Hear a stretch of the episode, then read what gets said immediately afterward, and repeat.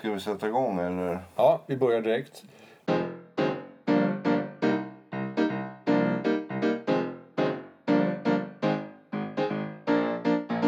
I tre dagar efter valet. Och eh, eh jag grubblar ju så Jag kan inte låta bli att tycka så här. Ska en blivande regering eller statsmakt om man får kalla det så. Antingen säga så här. Ja men nu är det ändå så att 75 nästan 80 procent säger ja till eh, till ett eh, mittliberalt samhälle. Och så säger man så här, bra, fullt mandat har vi fått. Nu ska vi bilda en sorts regering och så kör vi på. Visserligen har vi 8 procent eller 10 kanske på vänsterkanten. Som, med dem bryr, bryr oss vi inte om. Och sen har vi då 18 procent på högerkanten i form av Sverigedemokrater. De bryr vi oss inte om heller därför att större delen av Sveriges befolkning säger ja. Globalisering, EU, FN-arbete och allt det där som vi själva tror på. Kör hårt, rakt fram. Det här ordnar sig. Vi har fyra år på oss att göra det ännu bättre. Eh, vi kommer förr eller senare att segra de här eh, krångligheterna som vi håller på med nu att bekämpa populism. Eller ska man säga så här.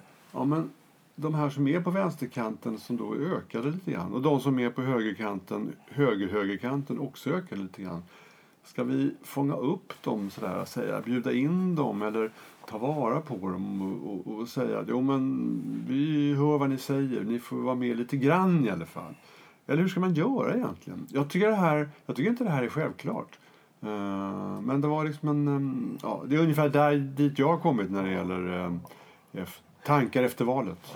Ja, jag, jag tycker ju då att jag har samma, samma funderingar som du. Och jag tycker att möjligen finns en tredje, en tredje väg och det är att om vi bortser ifrån eh, Sverigedemokrater och vänsterpartister och deras ytterkanter utan ser på deras väljarbas, alltså den underprivilegierade delen av befolkningen. De här som söker sig eh, därför att de känner att de sitter fast i någonting som inte, eh, som inte fungerar för dem. Alltså, eh, folk på landsbygden, eh, nysvenskar utan arbete. Alltså, för vad man skulle kunna göra i sann liberal anda det är att säga det att här har vi en underprivilegierad del av befolkningen. Den är i alla fall så stor så att den är en väljarbas för 30 procent av landet. Och istället för att låta de här ytterlighetspartierna profitera på den väljarbasen så tar vi bort den genom att faktiskt göra det som krävs av ett anständigt land. Vi ser till att underprivilegierade människor inte blir privilegierade kanske, men de får i alla fall förutsättningar att privilegiera sig själva genom utbildning, arbete eh, och anständiga levnadsmiljöer utan brinnande bilar och rädsla. Och det tycker jag är ett fullkomligt anständigt samhällsprojekt att, att faktiskt försöka fixa till förorter och glesbygder. Samtidigt låter det också väldigt um, ordentligt svenskt. Man, man, man låter inte folk stå utanför eller vi låter inte grupper bli lämnade. Även om, alltså i, i, eh, i ordet, även om vi faktiskt har gjort det. Ja. Får man erkänna. Ja. Oavsett partier så har man ju låtit faktiskt stora grupper hamna långt utanför den vanliga samhällsutvecklingen. Jo, så, så ekonom jag är kan ju säga att ekonomismen har ju en del nackdelar. Mm. Norrmännen som ju är lite mer romantiska, mm. de bestämmer sig bara för att Per Gynt ska få springa på fjället ja. och så betalar de för det. Ja. Nu har de haft lättare att betala för de har haft mm. oljepengarna men, ja. men alltså på något sätt så Därför att det slog mig när du inledde det här att tänk dig tillbaka till 1962. Mm. Alltså Erlander hade aldrig tillåtit bil, rinnande bilar i en förort mm. mer än en vecka. Alltså betongsossarna, de grå gubbarnas tyranni, mm. de hade gått in och rensat upp förorten. Alltså handgripligen hade de gjort det. Alltså Geijer och, och, och Erlander, alltså de hade bara sagt nej, så här är det inte i Sverige.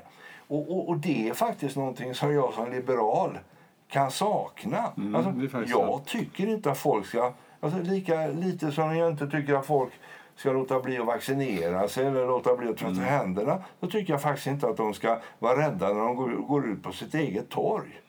Nej, det är sant. Ehm, Det kanske är mer, det kanske också är en... Vi kanske har paradisiska minnen av den här, de tidigare socialdemokraterna. Jag vet inte heller hur de skulle ha agerat, men, men, men, men låt, oss, låt oss tro att det skulle vara, vara så i alla fall. Jo, men tänk på hög, alltså, förorterna i Göteborg när man växte upp. Ja. Kortedala torg.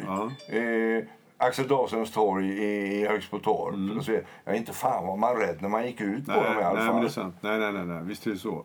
Men, men äh, vi lämnar det. Jag, tror- jag tror du har rätt. Social, den, den klassiska socialdemokratin har, hade en vurm för ordning och reda. Av, kan man säga. Ja, ibland lite för mycket vurm om man läser Alva Myrdal. Ja, men det är sant verkligen. Ehm, det innebär ju att om man, om man följer din, om man får kalla det för den tredje ståndpunkten i just det här resonemanget, då innebär det ju kanske inte så mycket politik egentligen, utan snarare liksom faktiska samhällsåtgärder. Med baktanken, om vi gör det här och sköter det här ordentligt nu, då kommer de att rösta på oss. I alla fall någon av dem som finns på vänsterliberal mittfållan, så att säga. Ja, den- alltså, och- och jag menar konkreta saker. Alltså, man får ju inte ställa sig frågan, är skolan för dålig för demokratin? Utbildar vi folk så illa så att de inte fattar bättre än att de måste gå till Sverigedemokraterna? Ja, då får vi lösa det då. Och då kanske Kunskapsskolan kan komma upp som ett projekt. Inte därför att den vinner en, en pedagogisk debatt på, på universitetet utan snöd nödvändighet. Moderater och sossar inser att Vi kan inte ha en väljarbas som inte fattar bättre än att de går till Sverigedemokraterna. Så vi måste ha kunskaper i skolan. Och på motsvarande sätt, istället för att ge eh, 65 miljoner till något pratprojekt ge 65 miljoner till att gräva diken. Alltså, gör saker som faktiskt märks. Alltså, och för det är någonting som jag tycker en stor del av de projekten som vi håller på med för att förbättra förorternas villkor handlar om att pratkvarnar ska hitta andra pratkvarnar att mala ihop med. Mm, Varför inte bara helt enkelt ta bort alla brinnande bilvrak, måla husen, ta bort graffitin, eh, ställa vakter utanför mataffärerna. Alltså göra grejer som folk i närmiljön märker. Eh, Och så ta bort eh, de här som rusar omkring i batikkläder som vi Men- fördomsfullt säger. Men jag måste ändå se till att vi har ett spår öppet också. Därför att igår till exempel så hade Filip och Fredrik, de har det här egendomliga programmet som heter um, Breaking News eller någonting. Ja. Men de har ibland e- lustiga infall. Då har de kallat in två stycken brottskunniga. Och så frågar de hur är det nu med de utsatta orterna? Hur många brottslingar är de som, de, håller, som, de som håller på att skjuta ihjäl varandra? Ja. då kom de fram till att det fanns ungefär 800 sådana personer i hela Sverige. Och de finns, pl- placer, de finns eh, lokaliserade i de tre stor, så kallade storstäderna. Och eh, då, då, då enades, vi om, enades programmet om att kanske, problemet kanske är något, något förstorat på något sätt. Va? Eh, om man dessutom tittar på hur Sverigedemokraterna röst, hur de får röster, om jag minns rätt så är det så här. Sverigedemokraternas röstfördelning över landet är ju inte så himla så mycket i storstäderna just där de här finns. Utan de finns ju utbredda över landet, framförallt i Skåne. Där, förutom Malmö då, så är Skå, Skånes landsbygd inte så jävla drabbad av den här eh, brottsligheten. Och, man, och varför jag säger allt det här det är följande. Jag kan se, jag kan inse att den vanliga svenska småstaden och bygden kan uppfatta sig som lite utarmad. Alltså det, den gamla industrin finns inte längre, bruket finns definitivt inte bara i några få ställen. Eh, småskaligheten i, i tillverkning, anställning, sysselsättning, den har minskat. Och Ja, det, Regementena är borta, Ja, precis. Domstolarna är... Ja. Överallt, överallt syns det liksom Många ställen i Sverige så ser man tecken på snarare nedgång än uppgång. Det är klart som, då kan ju vem som helst börja tro att EU är fel och globalisering är otäckt och eh, företagarna skiter i oss numera och massa sådana här saker. Och föreställningsvärlden ligger öppen för att, liksom att, att låta sig påverkas av Sverigedemokrater eller av radikal vänster. Jo, men det är alldeles riktigt. Och där måste politiken förstå det att ska vi lösa det här så kommer det att kosta konkreta pengar. Ja. Alltså då måste man göra som i Norge. Och, och har man då ingen oljefond med tusen miljarder i, ja då får man ju göra det ska vi säga, med hjälp av satsningar, lån och uppoffringar. Och, och det, det, vi gör det ju delvis genom eh, skatteutjämningar och sådana saker. Men vi kostar ju inte på oss att säga okej, okay, ett postkontor, det kostar 50 kronor mer att ha ett i Kramfors. Eh, men låt det vara kvar då. Eh, Systembolag, ja, de går ju runt så de kan vi ha lite runt om. Mm. Polisstationer, eh, ja, alltså återetablera vissa grundläggande samhällsfunktioner. Skattekontoren, ja men min deklaration till exempel, den åker runt. Ibland är den i Ronneby, mm. ibland är den i Linköping, ibland... Ja, men det är jättebra då. Lägg, ner, lägg ner skattekontor i Stockholm ja. och ha bara skattekontor i, i Kiruna och Korpilombolo. Mm. Mm, alltså, med data är ju inte det svårt. Och, och, att alla vill bo i Stockholm. Ja, visst vill alla bo i Stockholm, men vill du jobba på Skatteverket får du faktiskt bo i Falun. Mm. Alltså, det, det... Och några vill kanske inte alls bo i Stockholm utan snarare att de inser att jag kan inte bo kvar i, i den ort i Jämtland där jag är född och uppvuxen. Skulle jag kunna det kanske till och med skulle kunna tänka mig. Eller inte flytta längre än Östersund. Ja. Och, och där tycker jag att, att vi ekonomer har ska vi säga, låtit samhälle skapa nya friktioner. Mm istället för de ekonomiska friktioner som fanns förut. Mm. Och jag, jag, är inte säker på att den, den, den totala samhällsekonomiska nyttan av att räkna ettöringar i postkontoren Alltså Postnord funkar ju uppenbarligen inte. De kan inte ens skicka valsedlar. Hade det inte varit bättre att ha ett postverk då, som funkade? Eh, där folk faktiskt var statstjänstemän eh, hade någon slags idé om att det var ett värdigt arbete att, att jobba på posten och, och skötte jobbet dessutom. Men då menar du att man, man, staten måste liksom återuppträda som stat på något sätt och samhällsbärare? Och, och göra det även inte, en bra bit utanför storstäderna och heller inte i namn av ett, av ett nystartat statligt bolag. Ja, Utan... alltså, precis. Jag, jag tycker att, att det finns vissa uppenbara saker mm. som jag skulle göra. Jag skulle till exempel dela på Telia. Mm. Och så, då skulle jag ha ett trådverk, mm. ett nätverk. Ja. Och så skulle jag... SJ är ju redan delat. De har ju ett, ett, ett, ett, ett banverk, så att mm. säga. Eh, alltså jag skulle återföra en del saker till som statliga bolag eller statliga verksamheter. Mm.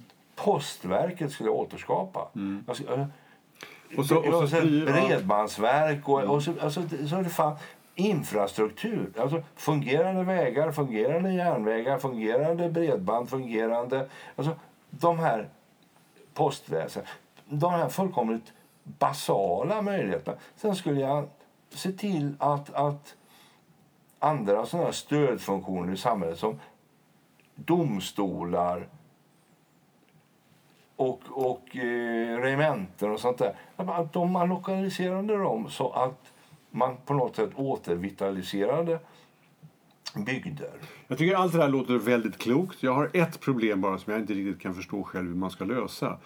För att betala de här sakerna som du talar om nu, och det låter riktigt, så krävs det ändå en skattebas. Den skattebasen uppstår genom att vi allihopa arbetar någonstans. Och eh, några av oss arbetar naturligtvis på de här uh, statliga eller uh, offentliga institutionerna. Men minst hälften måste jobba i någon form av privat närings, näringsverksamhet. Och den tycker jag är svår. Alltså hur ska, hur ska vi, hur ska ett statsbärande parti uh, se till att det blir näring ute i mindre orter där man har lagt ner bruket eller den lokala fabriken eller tillverkning eller vad det nu kan vara för något. Den är krånglig tycker jag. Ja. Det, går inte att, det går inte att säga så här, ja men med statsunderstöd ska det leva vidare. Dels strider det mot våra internationella överenskommelser med andra länder och dels i, håll, i längden är det inte hållbart. Det måste stå på egna ben och, och vara alldeles vanliga privata företag. Hur ska det åstadkommas? Den är svår tycker ja, jag. Alltså. den är jättesvår och där har jag faktiskt en, en ganska dramatisk lösning och det är det acceptera att det är svårt. Och det finns bara en lösning på det och det är minska friktionerna. Ta bort en massa regelverk för småföretag. Se till att man, att man kan överleva som småföretagare utan att behöva jobba hela nätterna med att fyll- fylla i blanketter åt staten. Alltså, ta bort en del utav kontrollfriktionerna. Och det skulle man spara massor med pengar både på sjukvård, polis och så vidare om hysteriska politiker lät bli att samla på sig rapporter som ingen läser. Det, det, det, det är det ena. Och det andra är det att man får faktiskt acceptera att företag uppstår där det finns initiativrika människor och praktiska förutsättningar. Och att muta fram företag eller stödja fram företag, det är bara Ebberöds bank. För det är en helt annan sak tycker jag. Och jag har inga problem alls med att ett stort företag i Stockholm försörjer Mellannorrland genom att se till att det finns ett, ett, en postverk, en polisstation och ett- systembolag. Alltså, det, det, det, och att det kostar lite mer att ha det här postkontoret än om allting var samlat till Sveg. Så att säga. Och det, det tycker jag faktiskt att, att eh, samhället får alltså bli mer strukturalistiskt när det gäller de statliga basverksamheterna och mer liberalt när det gäller det fria näringslivet. För jag tror att, att det fria näringslivet frodas bäst i, i någon form av eh, ska säga, frihet. Sen i och med det att allting är datoriserat eh, så har ju staten ändå kontroll på företagen. Det, f- det sker inte en betalningstransaktion som inte staten Nej, har koll på. Nej, nej. Så att säga, men det är ju ganska ofarligt att liberalisera nu. Det var inte det på 70-talet, men nu är det det.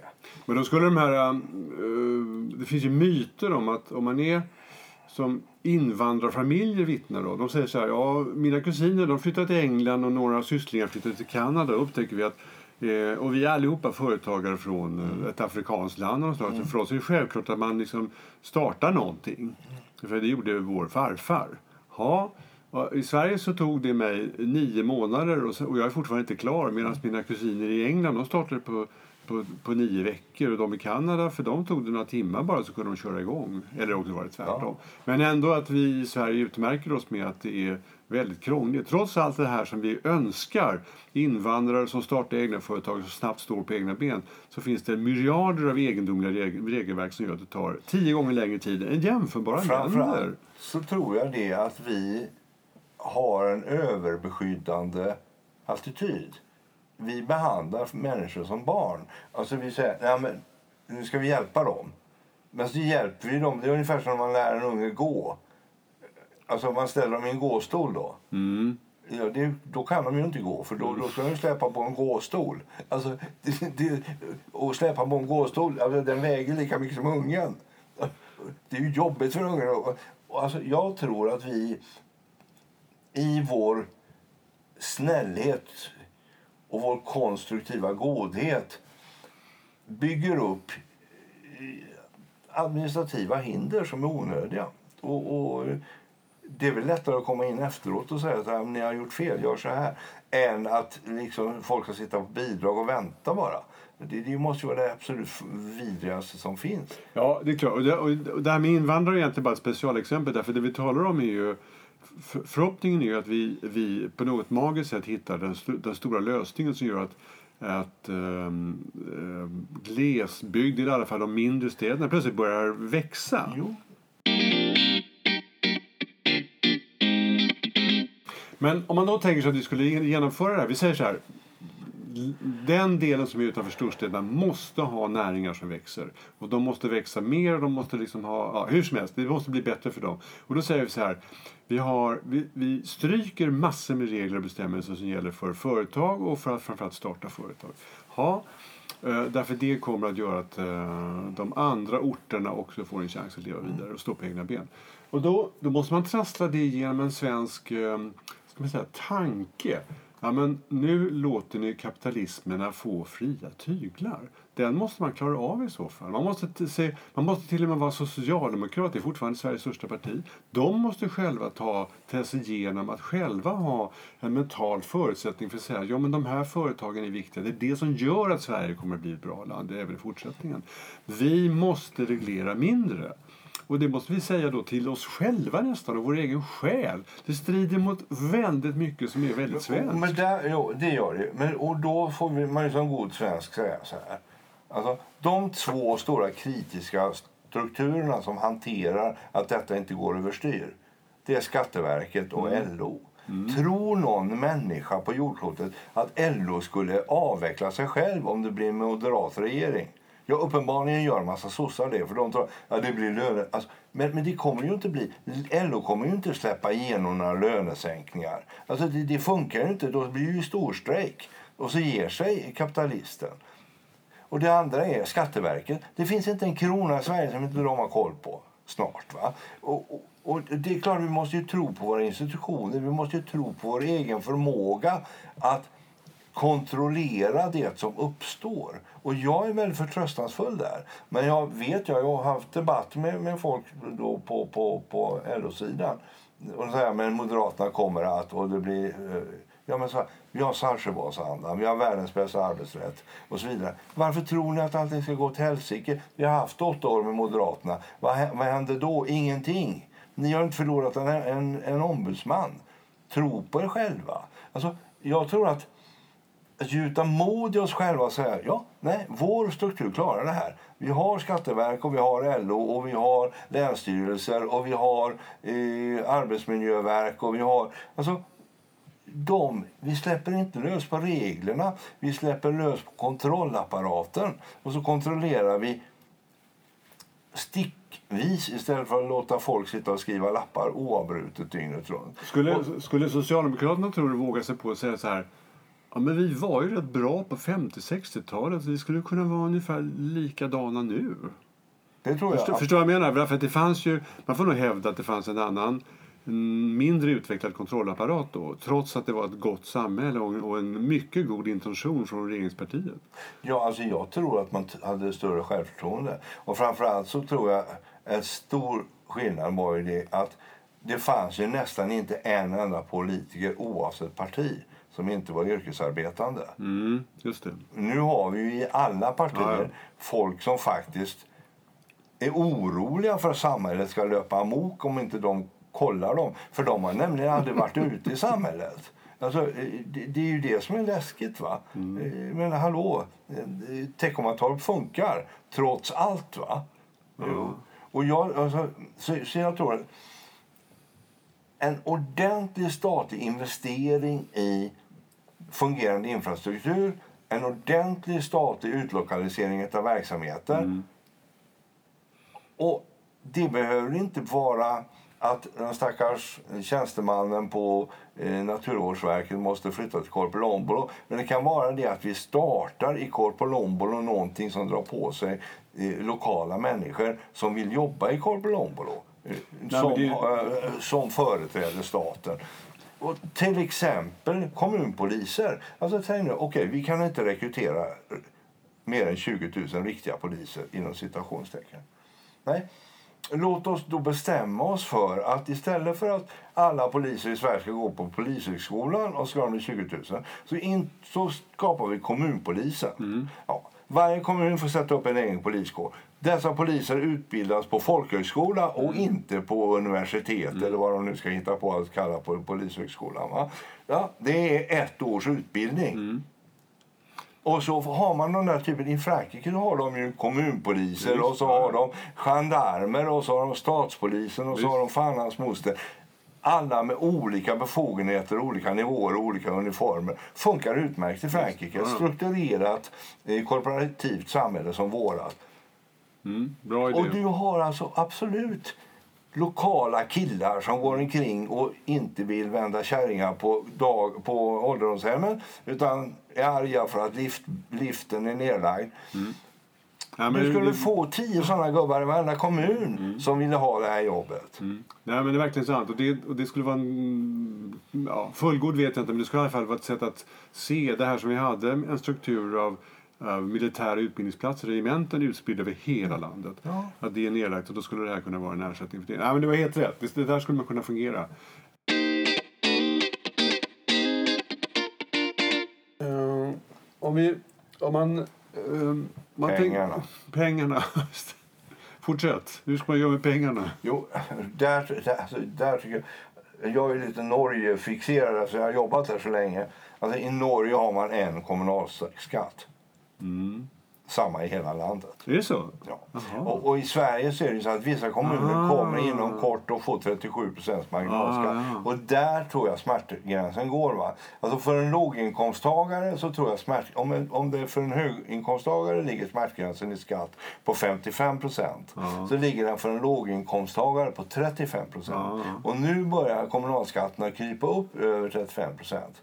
Och jag tror att det är nästa sociala katastrof i Sverige. Jag tror det kommer att bli ett elände. Alltså, för det kommer att innebära att en massa människor kommer att behöva gå in i bidrag bostadsbidrag och så vidare i mycket större utsträckning än idag. Så vad jag skulle vilja göra, jag skulle vilja införa en kommunalskatt i hela Sverige. Och den hölls då mm, 33, runt? Ja, just det. 33 procent. Ja, ja. Och frågan är om man inte skulle ha flatskatt alltså. Alltså ha 33% flatskatt på allt. 33 moms, 33 fa- eh, kapitalvinst, 33, alltså 33 på allt. Va? Därför att det är oanständigt av socialdemokratin och liberalismen att överbeskatta lägre medelklass och och yrkesarbetare och underbeskatta kapitalvinster eh, och, och 312 och fan hans moster. Alltså, så liberal jag är så skulle jag vilja ha jag skulle vilja få konstruera ett rättvist skattesystem. Därför att det är inte rimligt det här med att vi inte vågar ta bort ränteavdragen. Men vi vågar inte ens diskutera en trappa för att ta bort ränteavdragen. Därför att vi tänker så förbaskat i våra gamla strukturer och vi vågar inte ta risker för det kan kosta en väljare här och en väljare där. Utan vi måste ha en gemensam blocköverskridande skattereform som tar ett totalgrepp på detta. För Anna och annars kommer detta gå käpprätt åt pipan. Därför att inte bara klyftorna ökar utan friktionerna i samhället ökar. Och inte bara friktioner mellan människogrupper utan friktioner mellan geografier. Alltså, det funkar inte, det som vi håller på med nu. Alltså, det är inte rimligt att en sjukvårdsbiträde ska betala mer skatt Nej. än en advokat. Och så är det idag. Och, och, Ja, du menar procent i alla fall? Eller så. Ja, i procent. Ja. Ja. Men ja, förstår vad du menar. Ehm, om man då ändå håller på med det skulle man ändå se över fastighetsskatten också. Ja, men alltså, och då ska man, och det är ju det svenska extrema. Alltså, taxi totalreglerad, taxi totalt fritt och svarta pengar. Fastighetsskatt, noll eller expropriering. Förmögenhetsskatt, noll eller expropriering. Alltså, det måste ju gå att hitta någonstans och säga att, som jag brukar säga, det är dumma direktörer. Du måste förstå det. Att en procent av hundra är mer än 90 procent av noll. Nej, Jag förstod inte det resonemanget. Jo, ja, men så, folk säger nej men vi ska ha allt. Ja, men finns det inget allt att ha av, då blir det ju Nej, ingenting. förstår. alltså, alltså. Det är bättre att ha en bit av en kaka som finns än hela kakan som inte finns. Även en girigaste direktör måste inse att ett rikt land att bo i och sen släppa ifrån sig lite mer skatt gör att han eller hon blir eh, större och rikare. Precis. Och dessutom, om den som konstruerar skatten gör att fastighetsskatten den drar in pengar till statskassan men den ser inte till att moster Agda i, i, i Mollösund inte har råd att bo. Va? Alltså, och det går naturligtvis att hitta en sån Ja, punkt. visst, ja. Alltså, om, om skatten då är 0,4 istället för 1,5 eller hur man... Alltså, men, och jag tror väldigt mycket på flatskatt, har jag börjat tro. Mm. Sen... Eh, Men det måste man, också, man måste också ha ett kontrollorgan som ser till att den här flatskattnivån inte då hela tiden höjs utan den faktiskt ligger ner på en rimlig nivå.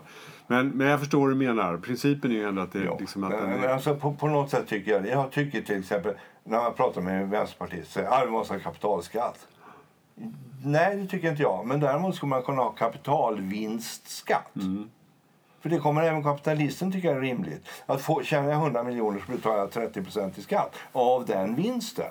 Däremot att betala 100 miljoner i skatt på den miljard jag äger, nej då flyttar jag till Schweiz. Va? Alltså, det, det, och, och den typen av resonemang saknar jag i vår debatt. Den blir så totalt binär. Noll eller hundra, noll eller hundra.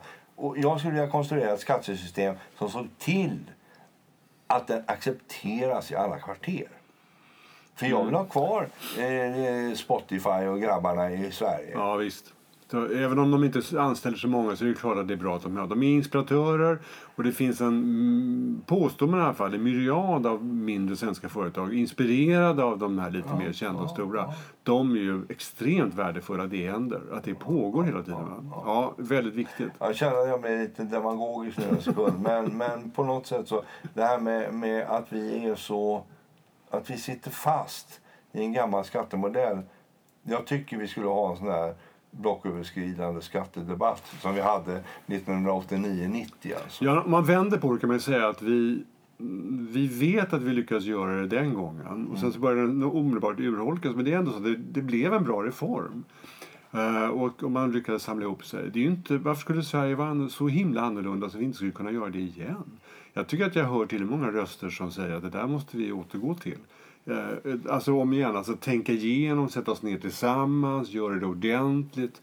Eh, låta den, en, en sån skattereform slå över alla områden på en gång. Och så får man acceptera att någonting inte blir väldigt bra men 90% blir mycket, mycket bättre. Eh, jag tycker det känns som att det finns en grogrund för det. Jag, jag tror faktiskt också att de här eh, extrempartierna inte behöver vara i vägen. Jag tror till och med att man kan få ett visst medhåll. Så att jag tror att vägen egentligen ligger um, öppen och möjlig för att göra ja. det. Och jag tror dessutom att det är viktigt att vi tittar på det här med, med, med, med kommunalskatten och låginkomsttagarna. För att det, det blir Ebberöds bank att ta in 37% skatt och sen skicka tillbaka jo, en massa eh, bidrag för att folk ska kunna överleva. Mm. Ja, det är samma med pensionärerna. Alltså det, det, vi har ett system som, som, eh, som inte är hållbart långsiktigt. Alltså man kan inte ha låtsaspensioner där den, skillnaden mellan att ha jobbat hela livet som låginkomsttagare och att inte ha jobbat alls mm. med 400 kronor netto mm. i månaden. Ja, ja. Alltså det är inte rimligt. Ja. Men nej, jag, jag, kan tänka mig. Ja, men vi, har en, eh, vi har en plan. Det var du som uppfann den. Att vi hittar liksom en, en, eh, om igen, en sorts tredje väg. Vi ser till att de människorna som kan frestas att rösta på partierna i ytterkanterna, att de faktiskt involveras ordentligt. Och det gör man genom åtgärder, inte genom röstfiske. Precis. Faktiska åtgärder. Ja, ja. Vi återetablerar samhällskontraktet mm. och ett fungerande samhälle i hela landet. Mm. Mm. Väldigt bra tycker jag.